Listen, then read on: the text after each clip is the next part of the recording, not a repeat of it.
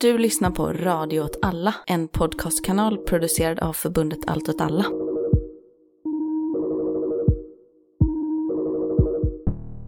Hej allesammans och välkomna till det tionde avsnittet av podcasten Värdet av pengar som eh, produceras av Radio åt alla. Med mig idag har jag tre stycken kollegor och kamrater. Vi har Li här. Hej. Vi har Rasmus Fleischer. Hej, hej. Och vi har Daniel Berg. Hej, hej. Idag ska vi prata om eh, vad varor är värda baserat på deras nyutkomna bok som heter just Varors värde. Boken kan man bara säga lite generellt är dels då en diskussion av konsumentprisindex och hur prisindexet har konstruerats historiskt och hur man har förstått hur varors olika kvalitetsvärderingar ska göras. Den är då indelad i tre stycken stora fallstudier som vi kommer gå in lite på under poddens gång som handlar då om hur värderar man egentligen mat?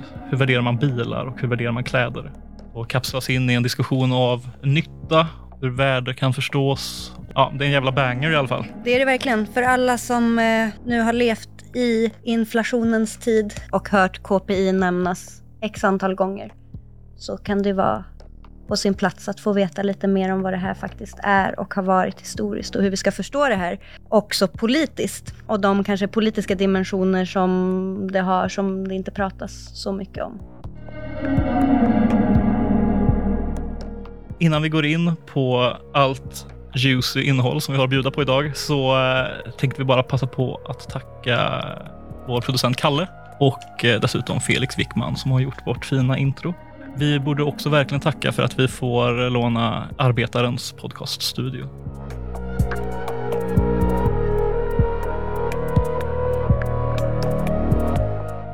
Men eh, ska vi eh, börja med att fråga er då som har skrivit en bok på detta ämnet.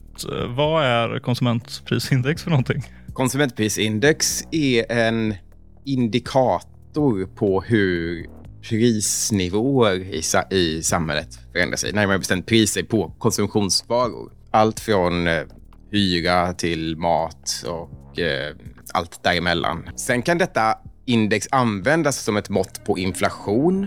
Det kan användas av Riksbanken för att avgöra hur man ska göra med räntenivåerna. Det är också KPI som styr justeringar av sånt som eh, pensionsnivåer och vissa bidrag och dagsböter och allt möjligt.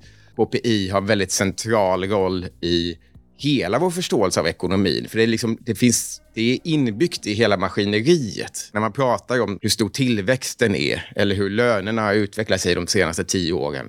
Då är liksom KPI inbyggt i detta för att man vill ju alltid räkna bort inflationen. Och det gör man då med hjälp av KPI. Så hur man räknar ut KPI får över, över det längre tidsbeloppet får det väldigt stor betydelse för vilken bild av ekonomin vi har. Om ni kort skulle sammanfatta vad den här boken handlar om. Det handlar om kvalitetsproblemet specifikt för beräkningen av sådana saker som konsumentprisindex eller andra index, också prisindex. Kvalitetsproblemet då, det är förändringen av de varor man mäter priset på i kvalitativt hänseende. En vara som bröd kan ha 100 kronors pris. År efter år så höjs priset med 2 kronor och då eh, ser det ut på prisdelen som att vi har fått inflation på 2% Men själva brödet har också förändrats. Till exempel kan det ha eh, blivit malt med en ångkvarn till exempel plötsligt. Då förloras massa essentiella fettsyror och D-vitaminer och sånt. Samtidigt som man vinner massa kvalitativa fördelar som att det blir vitare och det blir godare bröd kanske. Alla de här kvalitativa förändringarna av det här brödet som prissätts är kvalitetsproblemet. Man ska jämföra lika med lika med lika vid varje period. Det är lika viktigt som att mäta själva priset. Så för att förstå om vi blivit rikare eller fattigare så måste vi ta hänsyn till de här typen av kvalitetsproblem, alltså varornas förändring kvalitativt över tid. I KPI så delegeras liksom det här problemet ner till rena, till en liten del. Mm, ni tar ju datorer som ett exempel också som är ganska tydligt kanske. Ja, ja det, är, ju, det är ju väldigt aktuellt idag. Under 2000-talet, om man tittar på den officiella statistiken, så ser det ut som att priset på en dator har sjunkit som en sten. Samtidigt så betalar man liksom kanske 10 000 för en dator nu, precis som man betalade typ 10 000 för en dator då. Så liksom räknat i kronor så är priset samma. I KPI-statistiken räknar man att datorer har sjunkit otroligt mycket i pris för att datorerna ju är bättre. De, kan ju, de har ju högre processorfrekvens och kanske bättre grafikkort och fler eh, olika portar och allt vad det kan vara. Så man har justerat för kvalitetsförbättring år för år. När man lägger ihop det så blir det en väldigt stor kvalitetsförbättring. Så man räknar med en väldigt stor prissänkning. Hade man inte räknat på det sättet så hade kanske hela, hela KPI i Sverige då fått justeras upp med någon promille. Liksom. Och så är det med alla tänkbara varor. Att man, man måste hitta ett sätt att liksom, avgöra vad ska vi jämföra med vad. Och i det här fallet har man bestämt sig för att man ska räkna med en förbättring. I andra fall så bestämmer man sig för att låtsas som att varorna är exakt samma sak fast de kanske inte är det. Ja, det, det här är någonting som, som liksom, det är ett problem man inte kan komma runt. Det finns liksom inte inte en given lösning på det. För att kunna mäta prisutveckling över tid måste man också värdera det som man får för pengarna. För ett pris är ju en relation mellan ett belopp man betalar och någonting man får för beloppet. Båda de sakerna måste liksom in i ekvationen för att man ska kunna mäta prisförändringar över tid. Och det är inte alltid man kanske tänker på det. Man tänker ju ofta att det, ja, men vi vet ju ungefär vad vi får. Men det vi kan visa är ju att det har inte alls varit så tydligt, utan man har, även de statistiker som har jobbat med Sveriges KPI under årens lopp, de har varit väldigt medvetna om att det här är ganska godtyckliga saker. Så det vi gör i boken, som ingen har gjort tidigare, det är ju också att vi har suttit på Statistiska centralbyråns arkiv och gått igenom hyllmeter av arkivmaterial där man diskuterar så här, hur ska vi göra med den, här varan? Så väldigt konkret, hur mäter man priset på mat och kläder och annat? När ni säger att man eh, har diskuterat det här, vilka är de här generiska männen? Ja, det är ju mest män. Dels statistikerna. Sen har de haft eh, en rådgivande samling knuten till sig som kallats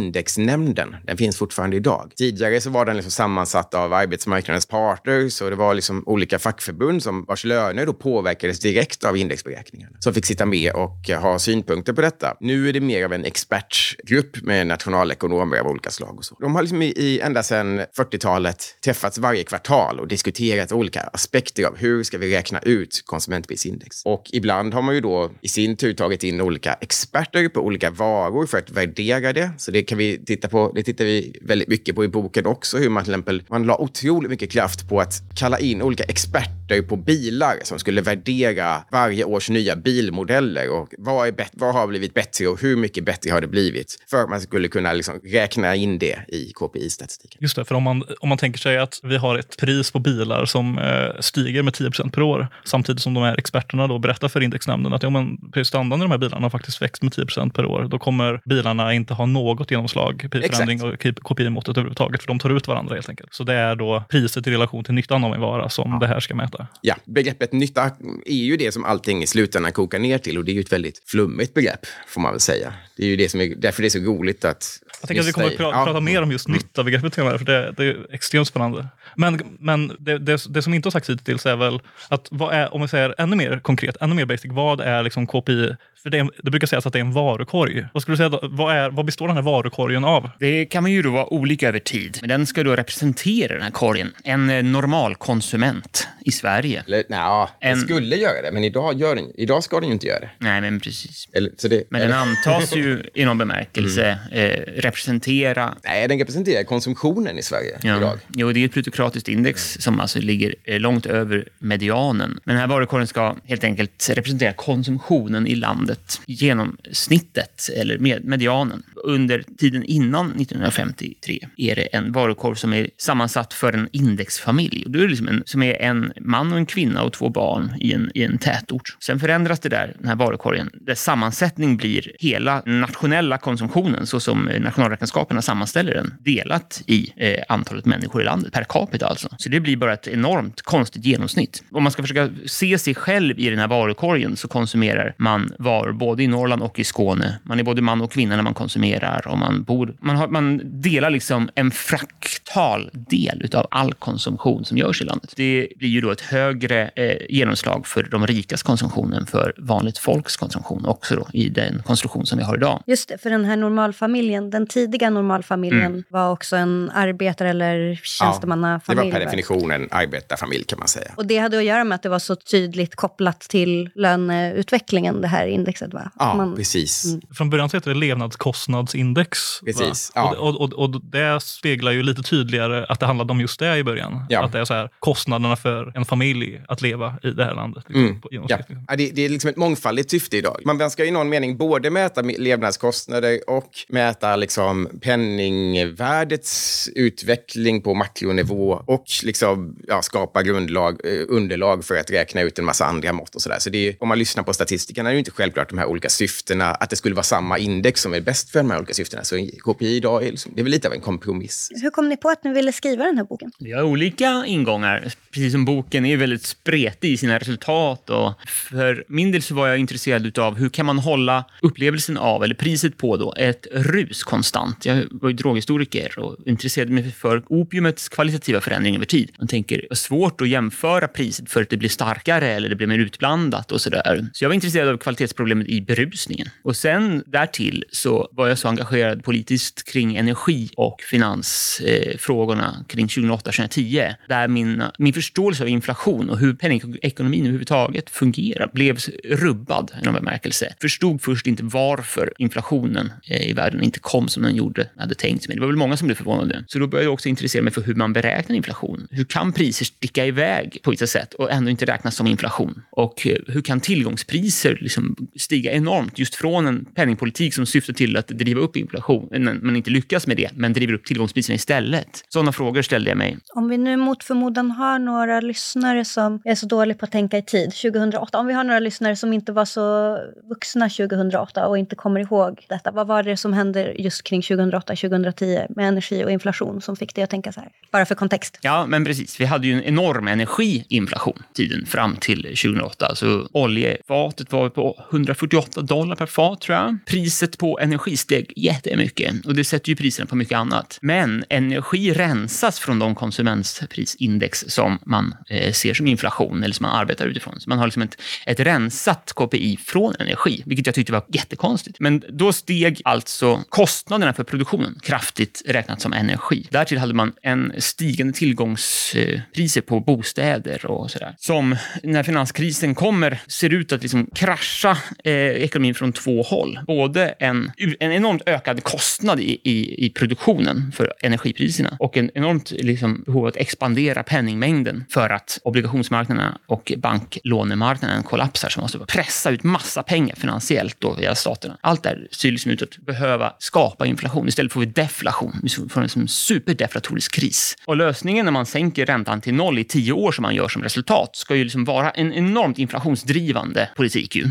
Enligt monetarismen så ska ju liksom en, en så nollränta som vi aldrig haft någonsin driva på inflationen. Och det händer ändå inte. Vi har fortsatta deflationsproblem liksom. Så då undrar jag, vart tar alla pengarna vägen? Som vi eh, alla nu vet är ju att den här eh, enorma expansionen av penningmängden, den kom ut i ekonomin via det privata banksystemet in i ökade tillgångspriser som aktier och bostäder. Alla den typen av priser sköt i höjden. Men väldigt lite trycktes ner i den del av ekonomin som konsumentprisindex då mäter. Så inflationen uppträdde i en del av ekonomin som inte berördes av konsumentprisindex. Så därför kan man fortsätta bara pumpa ut pengar för att få upp inflationen. Men det enda det gör är att de gör de rika rikare. Men så fort de pengarna börjar trickla ner, då först mäts det i konsumentprisindex och då... Först då har vi inflation. Först då har vi inflation. Ja. Först när alla de här enorma mängderna pengar börjar nå vanligt folk, då först får vi inflation. Så det intresserade mig, intresserar mig fortfarande hur, hur begreppet inflation också konstrueras diskursivt. Mm. Ni nämnde det vid tillfälle i boken, liksom,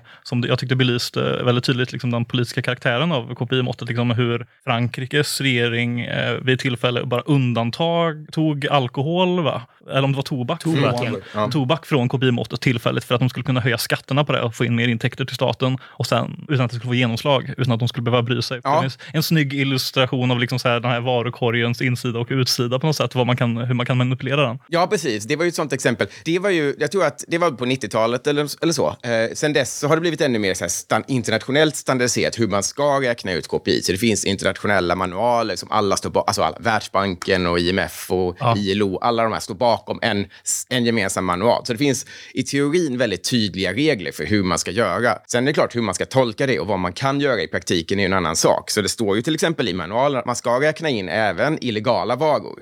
Så i teorin ska liksom även knark, vapen, sexköp, allt sånt ska också liksom räknas in i KPI. Men det gör man naturligtvis inte, för det är liksom för svårt. Det är svårt att tänka sig hur det går till rent praktiskt. De här liksom, eh, tjänstemännen som ska ut i samhället och ta del av och mäta de här varorna. Ja, jo, det går kan man fundera på. Köper, ja, precis. köper eh, droger av olika kvalitet. Ja, precis. Tar tillbaka måste man testa nämnden. dem också för att se? Ja, det måste man ju såklart. Ja. För det är ju, det är ju typiskt, eh, många droger är ju typiskt exempel på en vara som kan späs ut och då får man inte lika mycket för pengarna. Så det blir ju väldigt, väldigt viktigt att man förhåller sig till vad är eh, konstant kvalitet. Sådär.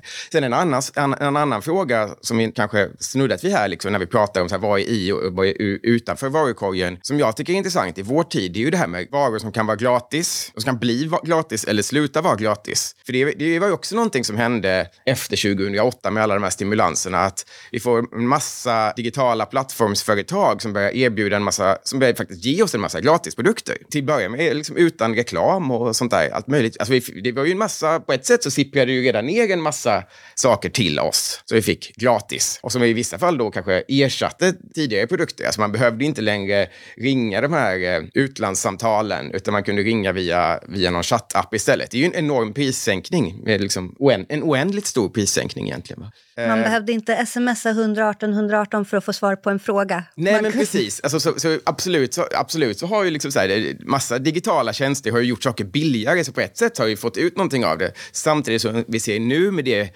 vi kallar sugifiering, liksom att här, väldigt mycket av det som har varit gratis blir nu sämre och sämre och sämre för att vi ska betala för premiumversionen. Liksom. Och det är ju en prisökning då som, är, som inte heller fastnar i KPI, för att man har ju inte med gratisvarorna i varukorgen från början. Så när någonting blir gratis, ökar oändligt mycket i pris, så sätter ju inte det heller något avtryck i KPI. Man skulle absolut kunna tänka sig att andra sätt att mäta skulle kunna ge mycket mer drastiska förändringar än det här liksom ganska måttliga förändringarna. Som jag säger. Alltså, man, vi, säger, vi tycker ju att inflationen nu har ökat väldigt mycket jämfört med hur det var tidigare, men jag tror att man med andra sätt att mäta skulle man ju såklart kunna få ännu mycket kraftigare, kraftigare kast både uppåt och neråt i inflationen, vilket i sin tur skulle ge en väldigt annan bild på ja, men hur har våra löner utvecklats de senaste 30 åren till exempel. En följdfråga på det där, om man, hur hanterar KPI exempelvis en plattform som Spotify?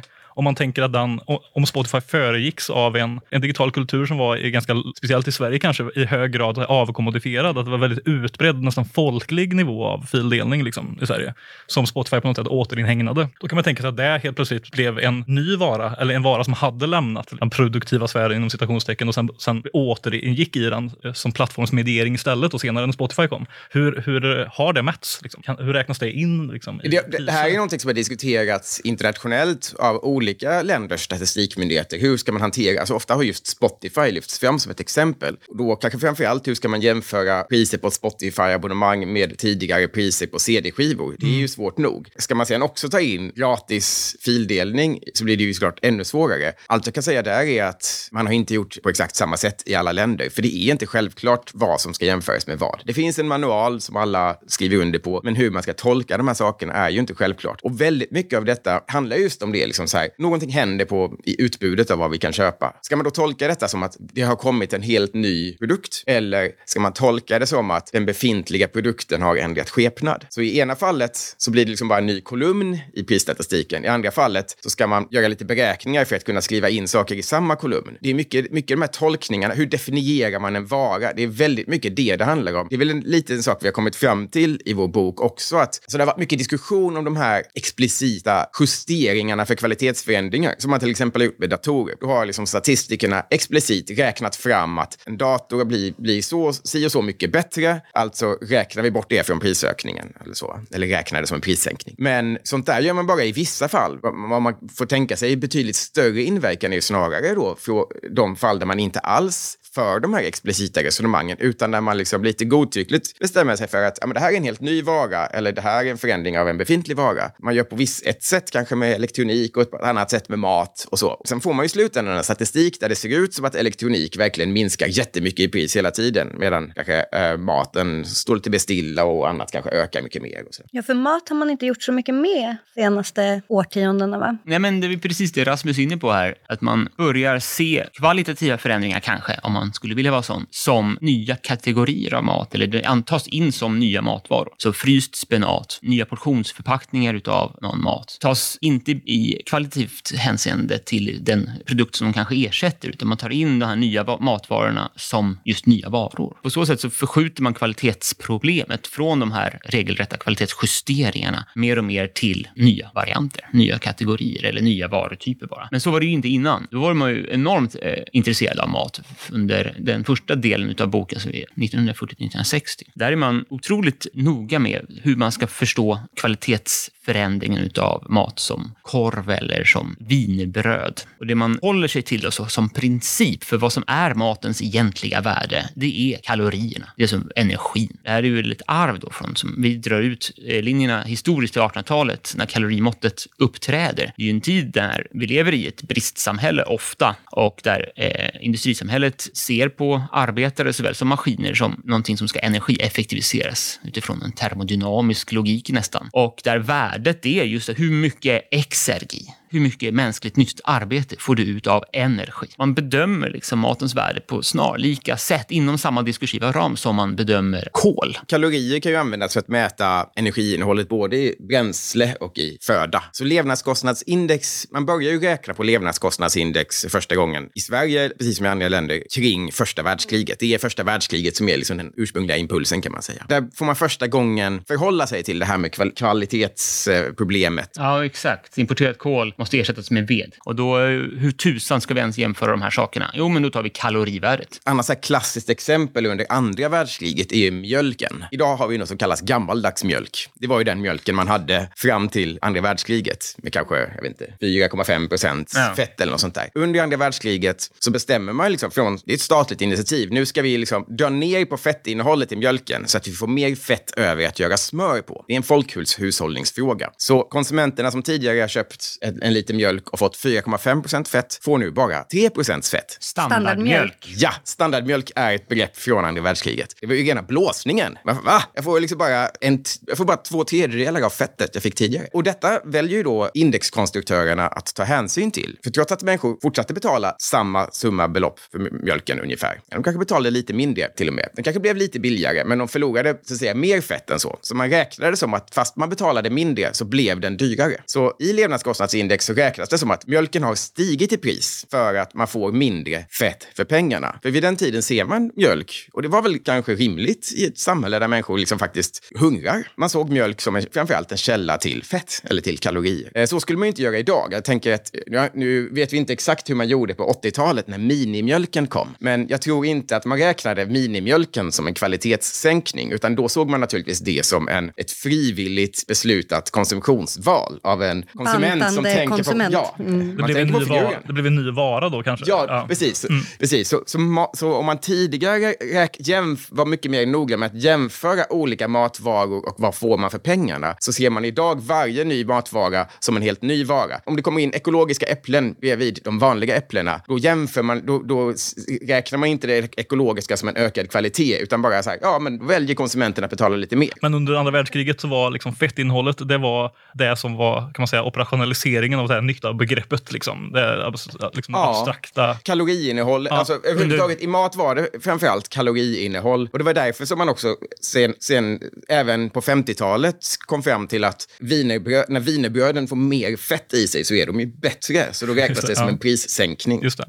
Det här har ju också slagit, om man tittar på forskningen kring första världskriget, det har ju varit en enorm diskussion om huruvida det faktiskt rådde svält i Sverige under kriget eller inte. Och där är det ju också en diskussionsfråga. Hur ska man mäta svält och hunger? Om man mäter det i kaloriunderskott, ja då kanske det inte var svält. Men de andra måtten då? Känslan av kvaliteterna. hunger. Precis, de andra kvaliteterna. Mm, vad är det som gör att man hungrar? Ja, precis. Och, det är också, och det här kommer man också in på en principiellt väldigt intressant fråga. Och det är ju att vi har ju en annan kunskap om matens näringsinnehåll idag än vad vi hade på mellankrigstiden. Då höll man just på att upp, upptäcka vissa vitaminer och så. Man la jättestor vikt vid de vitaminer man hade upptäckt. Och man var såklart en massa andra vitaminer och mineraler man inte ens kände till. Och man hade inte ens börjat titta på det här. Det finns, man, man såg ju fett som fett. Man brydde sig inte om att det finns olika slags fettsyror och vi behöver omega-3 och sådär. Liksom. Statistikerna som då räknade på vad, man, vad får man för matkassan, liksom. de utgick ju då från den lilla näringslära man kände till då. Om vi idag i efterhand skulle räkna om det här, ja, men då kanske vi egentligen då skulle behöva, ja, antingen skulle vi då använda vår tids mer avancerade näringslära för att se, ja, men fick de i sig alla näringsämnen de behövde eller så? Eller så kan man ju tänka sig att, ja, men det här ska, nej, men vi ska inte vara efterkloka, utan vi ska utgå från hur resonerade människorna på den tiden. Om de hellre ville ha vitt bröd än mörkt bröd, ja, men då fick de ju mer nytta för pengarna när de köpte det vita brödet, även om de sen fick näringsunderskott. Om vi då väljer det synsättet, och det tror jag många nationalekonomer skulle säga att ja, men det är, självklart ska man räkna så. Varje konsument är suverän och har rätt att själv värdera vad de konsumerar. Ja, men om vi ska värdera på det sättet måste vi också vara konsekventa och när vi ser tillbaka i tiden kanske ska vi då räkna ut ett KPI, ett medeltida KPI till exempel, som man ju gör i efterhand. Ja, men då måste vi ju räkna på priset på avlatsbrev. Om människorna verkligen tror att deras själ får evigt liv av att jag köpt det här avlatsbrevet, och då är det ju en jävligt stor kvalitet. Och om sen liksom så här reformationen kommer och bara pajar den här idén, bara nej, du fick inte alls evigt liv av ditt avlatsbrev, då är det ju en otrolig inflation som inträffar. Så man måste vara konsekvent. Ja. Men det, här är är mer än, det. det här är mer än skämt. För om vi skulle faktiskt beakta den typen av värdeförstörelse så skulle vi kanske också förstå den tidens ekonomiska och sociala konflikter bättre än vi gör nu när vi tänker med kalorier. Det är som apropå det här med mjölk och första världskriget. Mot slutet av kriget när det började bli väldigt ont om mjölk så var de stora dagstidningarna så snälla och tipsade husmödrarna om hur de kunde ersätta mjölken genom att blanda havredryck, alltså havregryn, vatten och så vidare. Och det här togs ju inte emot speciellt bra i arbetarpressen. Folk var så jävla förbannade över att man liksom kunde föreslå att man skulle dricka någon jävla havre istället för mjölk. Klipp till idag, där havredrycken ju har en helt annan status kanske. Och ett högre pris Ja. än mjölken. Mm.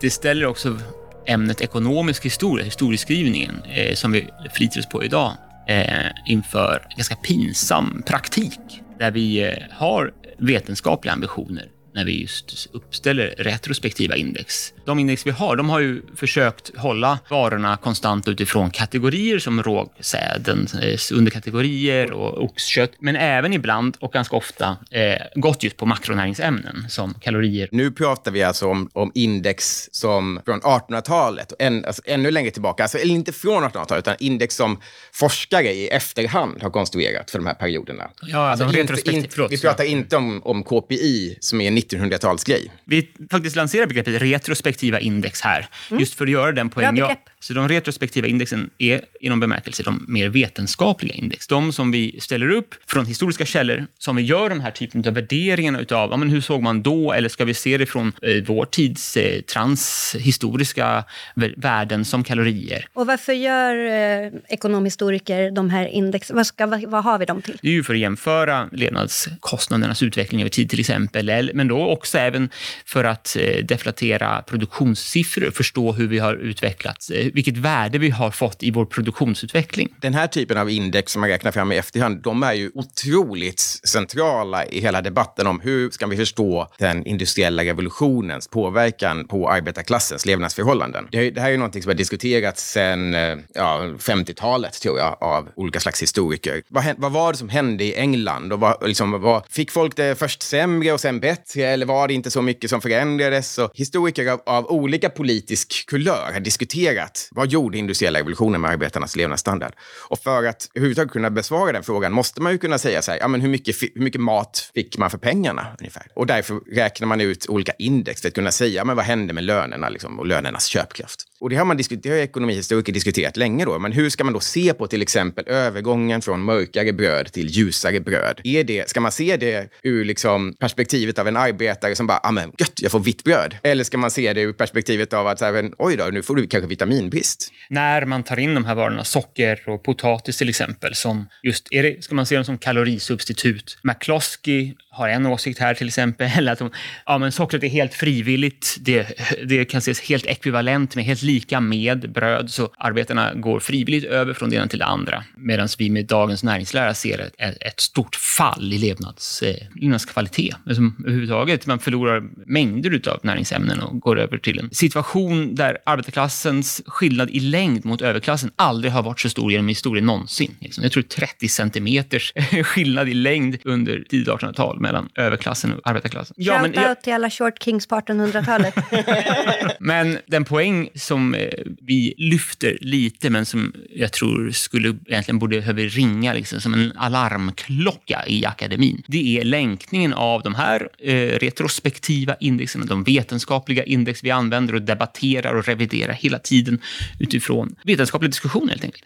Och den helt oproblematiserade länkningen av de indexerna med konsumentprisindex så som nu tillverkas av SCB för helt andra syften och som inte är vetenskapligt, som inte revideras och som är slaget i sten och vars källmaterial inte är kvar att undersöka. Och, och att vi tar här helt enkelt två helt olika sätt att se på det förgångna och sätter ihop dem så eh, smidigt som möjligt så att det inte märks att vi gör det till och med. Mm. Och det ena är öppet för politisering inom bemärkelse eller för eh, politiska diskussioner om och historiska vetenskapliga diskussioner. Det andra är någonting som bara är slaget fast helt enkelt och vars eh, syfte är korttida jämförelser. Men när vi nu har ett konsumentprisindex för 1900-talet från SCB som snart är liksom, vad är det, 80 år, eller ja, så har vi här en enormt lång historisk serie, men som också används av historiker som vetenskapligt. Ju. Mm. För att beskriva hela 1900-talets historia. Och det, Baker skriver den här roliga, bara, om du skulle bara eh, justera 0,5 procent eller 1 procent åt ett eller en, ändra håll, alltså vi har fått en, det är massa kvalitetsförbättringar som inte räknas med i konsumentprisindex under 1900-talet. Eller du har massa kvalitetsförsämringar som ja, 0,5 procent per år. Då har du plötsligt en situation där våra ma, eh, mor och farföräldrar levde i enorm isär på 60-talet. Eller så eh, är de antagligen enormt mycket rikare än vad vi trodde och vår utveckling har varit mycket, mycket, mycket sämre. De här små, små förändringarna år för år med exponentiell tillväxt får ju gigantiska förändringar över lång tid just. Så det här korttidsjämförande indexet vars små justeringar får, om man gör det till ett historiskt vetenskapligt index, monumentala eh, effekter bara på några decennier när. Om någon frågar oss, tycker ni att KPI är bra eller dåligt? Så liksom, det finns ju inte ett enkelt svar på den frågan. Det beror ju på vad ska det användas till. Skala 1 till 10.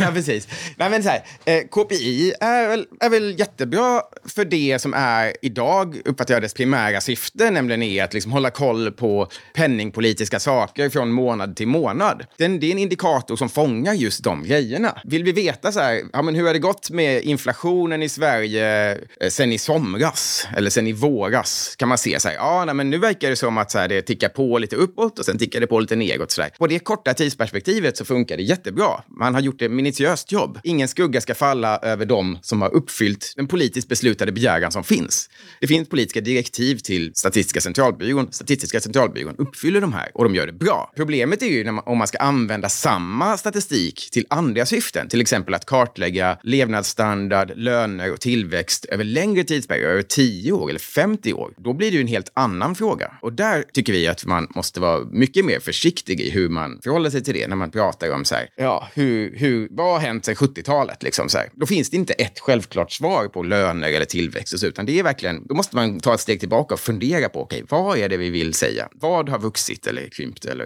är det vår nytta? Eller är det våra liksom, för, förmågor? Eller är det vår livskvalitet? Alltså det, och vad lägger vi i de här begreppen? Liksom? Vi kommer inte undan de frågorna. Jag tycker du gjorde en jättebra poäng i boken om just liksom, att KPI-måttet inte kan vara vetenskapligt just för att det aldrig kan vara föremål för debatt eller liksom revidering. För att om det skulle vara så att att politiken skulle gå in tre år senare och liksom justera om ett KPI-mått, då helt plötsligt så faller avtalsrörelsen som var året innan, som var då ko märket kopplades till det här. Och då faller liksom de avtalen som var i offentliga sektorn, som hade sina tjänstepensioner ankrade mot liksom ett prisbasbelopp. Då fa allting faller liksom så att ingen, det, här, det, det får liksom inte utmanas, eh, till skillnad från det som ni kallade då, de retrospektiva indexen, som, som får vara liksom vetenskapliga och debatteras fram och tillbaka. Så är det, så här, det är så himla viktigt att när nya årets KPI kommer, då är det, det får liksom kritik, kritiken ska liksom, den får inte förekomma, liksom, för det här måste vara objektivt i någon mening, trots att, som ni visar också på att ingen inblandad här hade någon illusion om att detta var ett objektivt mått. Och de som var liksom, indexkommittén var liksom supermedvetna om att det här var supersubjektivt, det var föremål för vilka gränsdragningar som helst. Nu hade de gjort några gränsdragningar, det ledde till det här.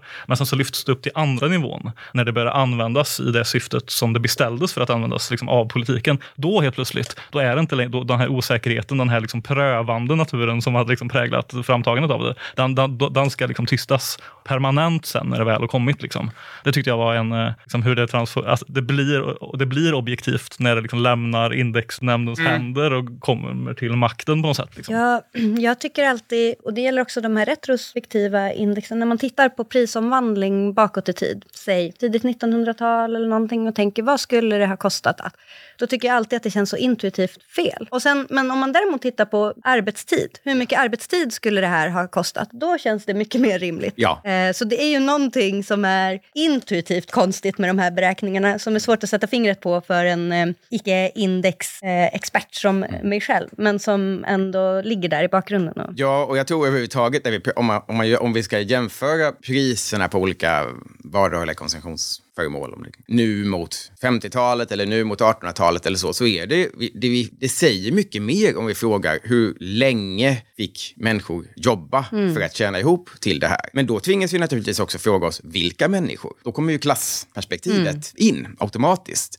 Så fort, vi, eh, så fort vi lämnar det här stabila, politiskt fastslagna KPI-måttet så tvingas vi åter eh, konfrontera frågan om klass. Var det liksom ett hembiträde som fick jobba si och så länge eller var det en, en statstjänsteman? Det är väl inget nackdel, det kanske snarare är en fördel att tvingas ställa sig sådana frågor. gör ju en sån liten påpekande, gör vi. Att när man går över från den här mer konkreta, föreställbara indexfamiljen till det här plutokratiska, sammanslagna totalkonsumtionen per capita-måttet som konsumentprisindex blir, så slutar också mycket av politiseringen eller förståelsen för det som ett politiskt styrmått. En bild av konsumentprisindex som något, teknokratiskt, någonting ganska svårt att greppa, som man bara får anpassa sig till. Abstrakt, helt enkelt. Fast jag skulle säga att det hänger väl kanske lika mycket ihop med att lönerna då inte också, om man slutade ha lönerna direkt knutna till. Ja, Man men slutade ha löneavtal direkt knutna till. Jo, fast det är ändå, Ja. för den stora majoriteten lönearbetare så var ju inte konsumentprisindex från ja, mitten av 50-talet så var ju inte det längre avgörande för hur mycket pengar man fick ut. Däremot är ju det- ehm, inflationsmåttet väldigt avgörande för hur märket sätts och så vidare. Så Ja, indirekt precis. har det ja, en precis. betydelse. Indirekt, absolut. Jag tycker ändå, det här, det här får väl stå för mig då, men jag tycker ändå att den spaningen är, är signifikant nog att ändå nämna. Att med KPI och den abstraherade fraktalkonsumenten som den någonstans förespeglar, så försvinner klass. Det försvinner en, någonting att leva sig in i. Och med det så blir det också svårare, tror jag, att engagera affekter, passioner, eh, inlevelse i politiken kring KPI. Någonting som också rimmar bra med eh, referenslitteraturen kring teknokratin och kring trust in numbers, förståelsen av det här abstrakta talet och världens, den ekonomiska världen som allt för komplex och allt för liksom, teknisk för att vi vanligt folk ska kunna riktigt greppa det och politisera det. Vi får anpassa oss till att det, nu är det inflation, då får vi ta ansvar här. Alla har lika, alla har lika. Det finns ingen klass. Apropå det här med um, indexpolitiska dimensioner, explicit och implicit, men det explicita i att det var så tydligt kopplat till lönerörelsen tidigare och löneutvecklingen. Kan ni berätta lite om det? Hur det såg ut historiskt, vilken betydelse index hade och hur det fick den betydelsen? Väldigt mycket i korthet så kan man väl säga att eh, det som först hette levnadskostnadsindex utvecklades ju under första halvan av 1900-talet, framförallt i relation till de två världskrigen. Anledningen till att man först började beräkna levnadskostnadsindex under första världskriget. Handlar väldigt mycket om eh, att man försöker hålla koll på ja, men, förhållandet mellan löner och försörjning och levnadsstandard och, och så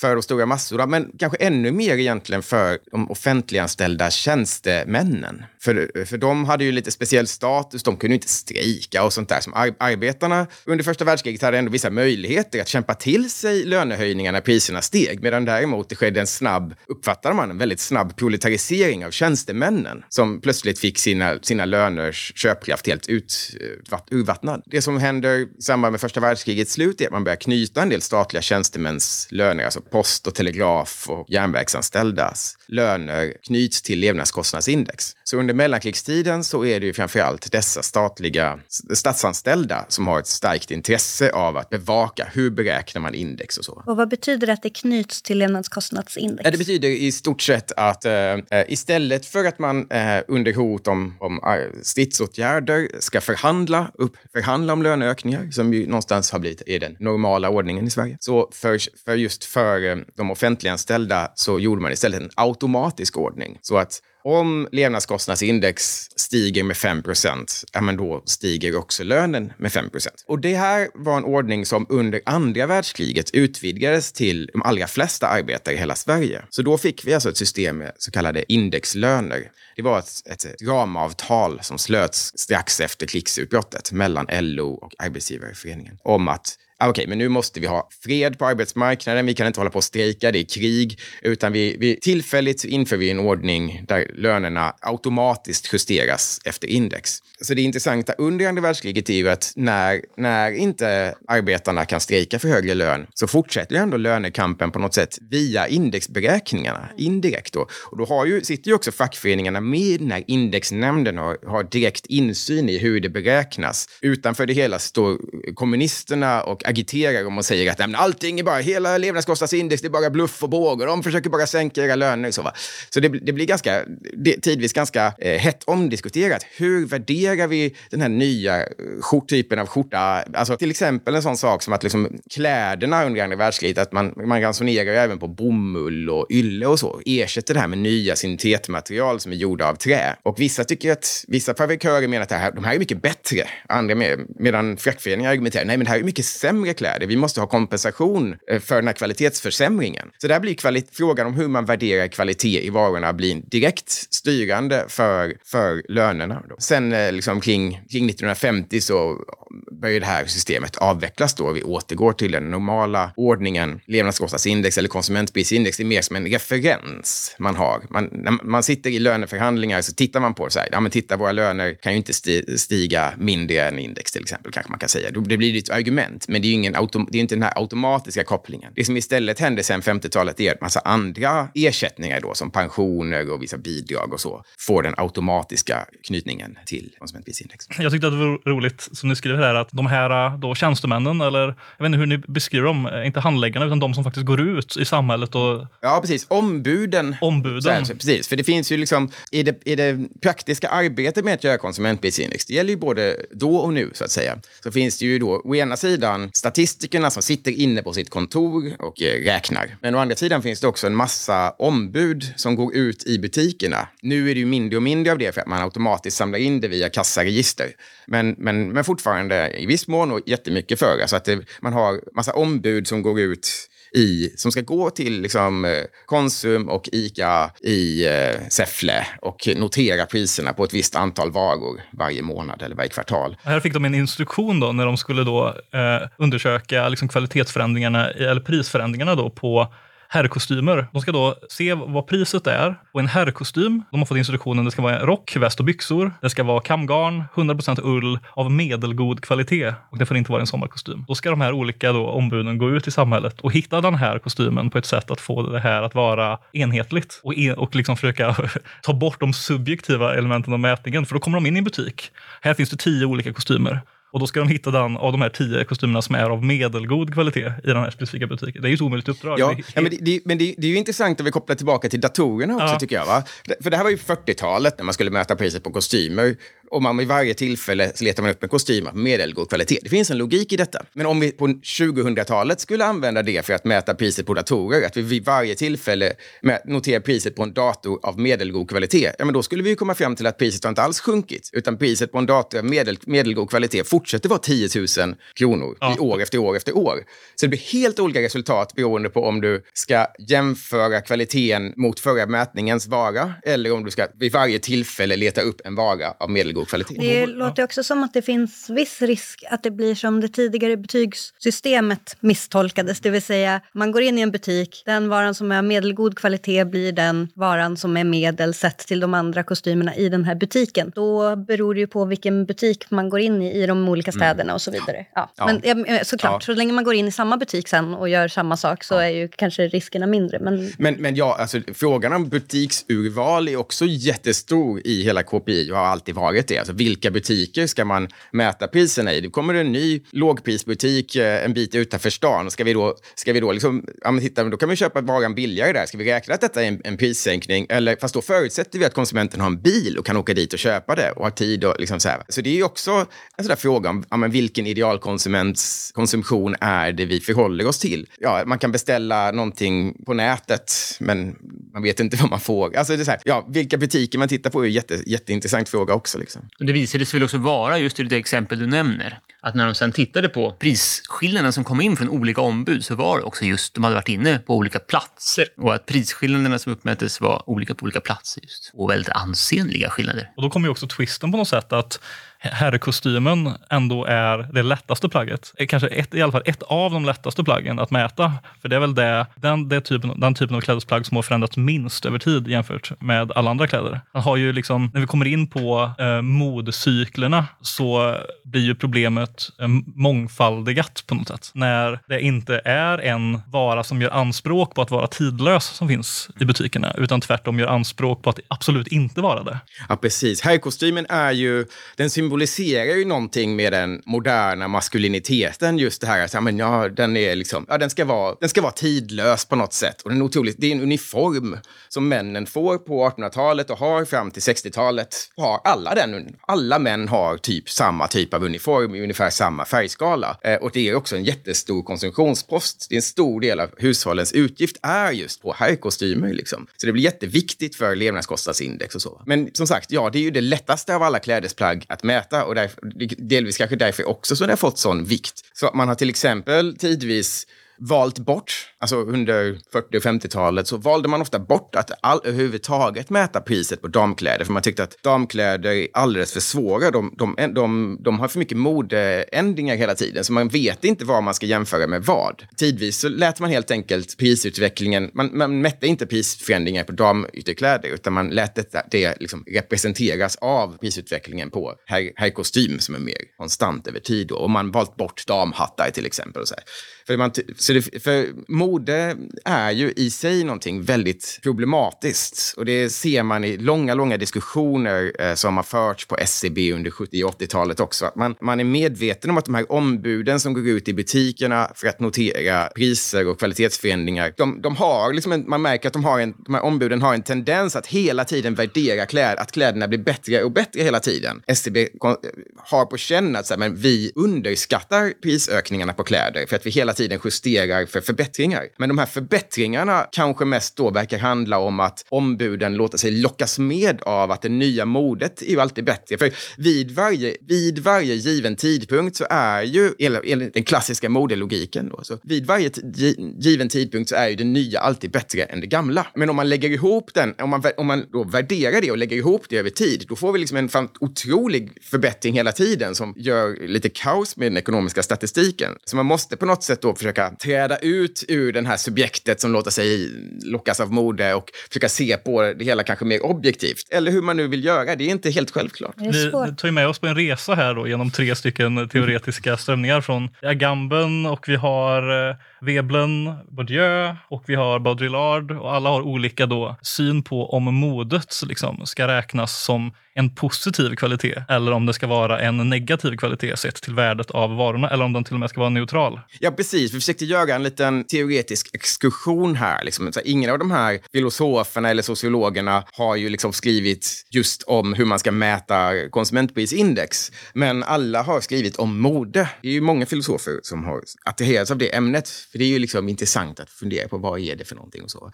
Och det gäller ju inte bara kläder. Det gäller ju jättemånga olika produkter i KPI som på, på något sätt är modepräglade då och som man har sett som problematiska i KPI-arbetet. Vad är den negativa, om vi börjar, vad är den negativa modeteorin? Enligt vilket perspektiv och varför är mode eh, negativt? Varför ska det slå igenom negativt på ja, värdet? Enligt ett möjligt synsätt då så är ju mode ett sätt för industrin att förkorta varornas livslängd. Så jag köper en vinterjacka. Den skulle kunna hålla i tio vintrar, men efter två vintrar så känner jag att den här har fel färg så jag köper en ny jacka istället. I praktiken blir ju effekten samma som om vinterjackan hade varit tillverkad av ett så dåligt material att den gick sönder efter två vintrar. Det är ju lite vad, vad Marx kallar eh, moralisk förslitning då istället för en fysisk förslitning. Så enligt det negativa sättet att se på, på mode som Baudrillard till exempel omfattar, liksom att det, här, det är bara ett sätt att öka omsättningshastigheten på varor, öka, eh, driva på konsumtionen, maxa konsumtionen, förkorta varornas livslängd. Ja, enligt det synsättet så skulle man ju i det, lång, i det långa tidsperspektivet kunna säga att när, om till exempel modets logik, alltså mode har ju länge omfattat kläder, men när mode då efterhand liksom börjar omfatta fler och fler varor, liksom att saker som tidigare var standardiserade blir nu till modevaror, ja, då skulle det räknas som en kvalitetsförsämring som vi då i det längre perspektivet måste skriva, skruva upp inflationen så vi mäter upp den. Så om vi verkligen skulle, om vi skulle ta det perspektivet på allvar, se mode som någonting som faktiskt försämrar vad vi får för pengarna, vi får mindre för pengarna för att det håller kortare, då, då blir slutsatsen att det någonstans att vi har, vår livskvalitet har också gått ner. Vi får mindre, vi får mindre för vår lön eftersom det håller inte lika länge. Det finns en logik i det. Om vi väljer det negativa synsättet på mode. Men det är ju inte, det själv, det är inte självklart att vi gör det. Vi får ju också glädjen.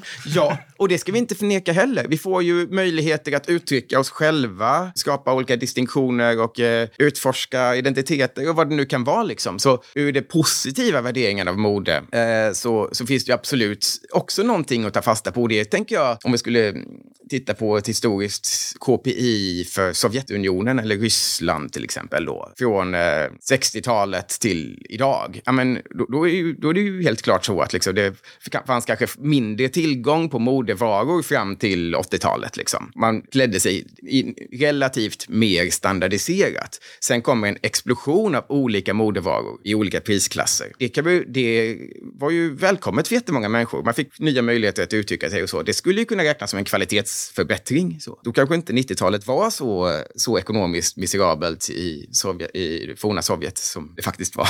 Om man kunde skruva upp, det. Om man kunde skruva upp Ja. kopiet. Ja. Ja. då hade de det trots allt rätt fett. ja, för de kunde ändå välja olika ja, kläder. Just det. Du nämnde tre olika... Ja, det finns en, fanns en ambivalent position också. Eller den neutrala. Ja, och precis. Eh, helt enkelt att det om man, konstater- om man ser det som ett, ett eh, nollsummespel. Liksom. Det är ju lite besläktat med den här negativa, men om man, liksom, man kanske inte ser så mycket på hur länge det var. Alltså man, alltså man ser det väl helt enkelt bara som att mord är en kamp om status. Så jag kanske väljer att köpa, lägga lite extra mycket kläder på moderiktiga kläder och då, kommer jag, då får jag ut någonting positivt av det. Fast det leder samtidigt till att all, precis alla andra människor får, trycks tillbaka lite. För det finns liksom sta, statusen man jagar är nollsummespel då. Modet är liksom en sfär som inte har någon utsida. Exakt, finns precis. Det är som ett språkspel. Liksom, så här. Och, då, och man kan vinna och man kan förlora, men i slutändan så, så, så, så finns det liksom inte... Det skapas inget nytt och det tas inte ifrån någon. Det synsättet, det är väl kanske det som skulle vara... Det är kanske det som blir lättast att operationalisera om man ska räkna på KPI. Då behöver man inte ta hänsyn till att eh, långsiktig historisk förskjutning till det bättre eller till det sämre. Liksom.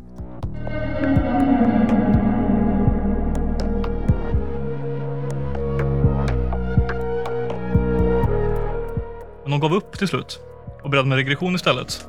det vill säga att de, de gav upp på tanken att försöka hitta ett kvalitetsmått, ett värdemått i de, liksom, i de enskilda varorna och utgick istället från en differentiering av liksom, det subjektiva värdet i varor som kom från eh, eh, tillverkare, liksom, från varumärken som de fångade då genom eh, att modellera istället utan att behöva följa upp den här kontinuerliga eh, förändringen av varor om jag förstått det hela. Ja, Hedonistisk regression, är det det ni kallar ja, det? precis. Hedonisk regression är eh, den metod som man för många varugrupper, inte alla, men för många varugrupper, mer och mer börjat använda både i Sverige och andra länder när man räknar på KPI. Det är alltså en tillämpning av liksom, det nationalekonomiska perspektivet att ja, men det finns suveräna individer som konsumerar på en marknad och de gör sin egen bedömning när de köper en vara. Vi antar att de har perfekt information om vad de får för pengarna. Förutsatt att det finns ett väldigt stort utbud av varuvarianter av varje vara och man kan definiera med de här varorna tillhör samma grupp.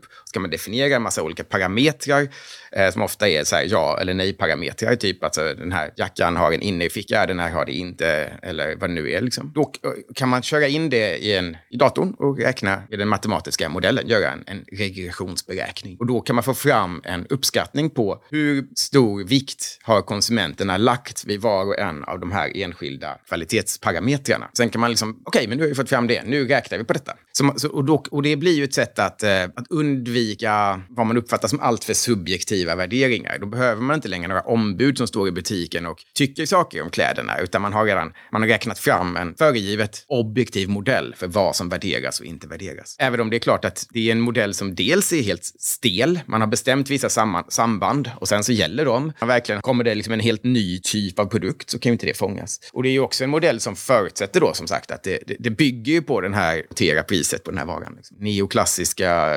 nationalekonomiska ja, illusionen om att konsumenten är suverän och har perfekt information. Eh, man låtsas som att här frågan om ja, men hur länge kommer sömmarna hålla i den här jackan? Man låtsas som att det är någonting som konsumenten omedelbart bara kan se i butiken. Då får man väl skillnaden där att i det senare fallet, blir det inte så att indexberäkningarna utgår från att det inte längre finns något liksom värde bortom priset eftersom det bara genom betalningsviljan som den här idealkonsumenten kan, eh, liksom, alltså en varas värde eh, representeras genom dess pris. Och man, man har, man har liksom gett upp tanken på att försöka hitta något värde bortom priset. Ja, eller i alla fall så om man tar till exempel med datorerna som vi har pratat om lite här nu, liksom, så använder man, man har liksom i alla fall, när man värderar högre processorkraft år efter år, så gör man detta för att man först har gjort en ekonomisk modell där man räknade ut att konsumenterna värderar en hertz så här mycket. Liksom. Mm. Och, och, och, när man, och då har vi kommit fram till det på objektiv väg. Så här mycket är processorkraften värd. Och sen kan, då, sen kan man ju då fortsätta värdera processorkraften utifrån den modellen. Liksom. Men, Men när man gör de här modellerna och bestämmer att konsumenten värderar en hertz, har man fokusgrupper då och frågar hur mycket värderar du en hertz? Eller nej, är utan, det rent strikt utan, matematiskt? Utan då, då, då, då tar man kanske, då, då letar man fram pris och tekniska specifikationer för kanske hundra olika datorer som finns på marknaden. Och så, och så räknar man på detta och, och, och avgör då liksom så här, ja, men hur stor del av prisskillnaderna utgörs av hertz? Hur stor del av prisskillnaderna utgörs av färgstorlek och så där. Liksom. Så då är det priset som är vägledande? Ja, mm. men för, innan man ens kan börja göra sådana där beräkningar så måste ju fortfarande någon människa sitta och bestämma vilka parametrar ska ens vara med? Vilka varor ska tillhöra samma grupp och vilka ska räknas som en helt annan typ av varor? Så det är ju fortfarande väldigt mycket subjektiva, lika mycket mycket subjektiva avgöranden som någonsin har varit, skulle jag säga. Och så sagt så är det ju två helt olika värdeteoretiska axiom, helt enkelt. En föreställning om att värdet kan och bör bara vara det som värderas på marknaden. Vid inköpstillfället, nota bene. För många konsumenter så uppträder ju värdet av en vara under brukstiden. Som hållbarhet är ju typexempel på det. Och hur he eh, hela det här varusystemet förändras över tid. Så att du köper en vara, sen så kommer genast en ny varuvariant som din kompis köper och så förändras din uppskattning av din nyinköpta vara. Alla de här sakerna är ju helt blinda då för den som bara mäter vid inköpstillfället. Så det är ju ett väldigt, väldigt, eh, man kan säga nästan ett extremt eh, värdeteoretiskt axiom ändå. Och det möter man ju i materialet, hur de brottas med den här tidsaspekten just. Det är ju berömt att eh, en bil förlorar 50 000 liksom i värde bara när den rullar ner från bilhandlaren ner på motorvägen. Så fort den blir begagnad, fast den är nästan exakt samma bil. Så den fem minuters färden kostar 50 000 kronor. I bilarnas fall så är det ju också den här eh, medvetna nedkvalitetskonstruktionen under, i USA till exempel. Du har bilar som görs medvetet sämre och sämre för att eh, man har upphöjt andra kvaliteter i den som de estetiska. Många av de här kvalitetsvariablerna som tas in i en regressionsanalys som, kan, som är stela vid ett tillfälle kan, om det blir oljekris, så plötsligt så står motorstyrkan inte längre i ett likadant förhållande till driftkostnaderna eller vad det kan vara. Utan att gå på vad konsumenten värderar vid inköpstillfället kan vara väldigt vanskligt för att förstå en varas värde. Som ni var inne på tidigare också så är det ju en hel del varor som man inte för så mycket diskussioner kring. Är det någonting ni blev särskilt förvånade över att man inte diskuterade kvaliteten kring så mycket? Vi har ju inte tittat jättemycket på just bostadsfrågan, men den är ju såklart väldigt intressant. Bostad är ju en stor del av människors utgifter. Det förs ju, har ju förts väldigt mycket diskussioner om hur man mäter bostads, bostadskostnader i KPI, men just frågan om kvalitet i bostad är ju... Det finns väldigt många aspekter det där som man inte pratar om. Man, man diskuterar absolut kvalitet, alltså, men då är det ju termer av hur många kvadratmeter, har man rinnande vatten, har man toalett, har man och sånt där. Va? Men om man tänker på hur vi själva ser på bostadskvalitet och vad, kanske vad människor idag är beredda att betala mer för eller inte så, så är ju såklart frågan om bostadskvalitet är ju mycket större än bara själva bostadens och vad som ryms mellan dess fyra väggar. Utan man betalar ju ofta för att bo på en viss plats till exempel. En plats där man kan ha nära till jobbet eller man kan ha eh, kommunal service eller man kan känna, jag vet inte, man kan ha nära till naturen eller känna eh, trygghet. Ja, alla sådana där värden är ju, det är ju verkligen sånt som folk verkligen värderar i sin bostadskonsumtion, om man får tala på det sättet. Men, men det vägs ju inte riktigt in. Man skulle ju utifrån människors faktiska värderingar så skulle man ju verkligen kunna göra det. Man skulle till och med kunna göra en hedonisk regression regression på det och komma fram till att ja, men nu byggde de en motorväg bredvid det här bostadsområdet så det blev bullrigt och fult och folk upplever att de liksom får lägre kvalitet för sin hyra. Och då borde ju det då räknas som en höjd hyra. Liksom. Medan och, värdet av bilarna blev plötsligt högre.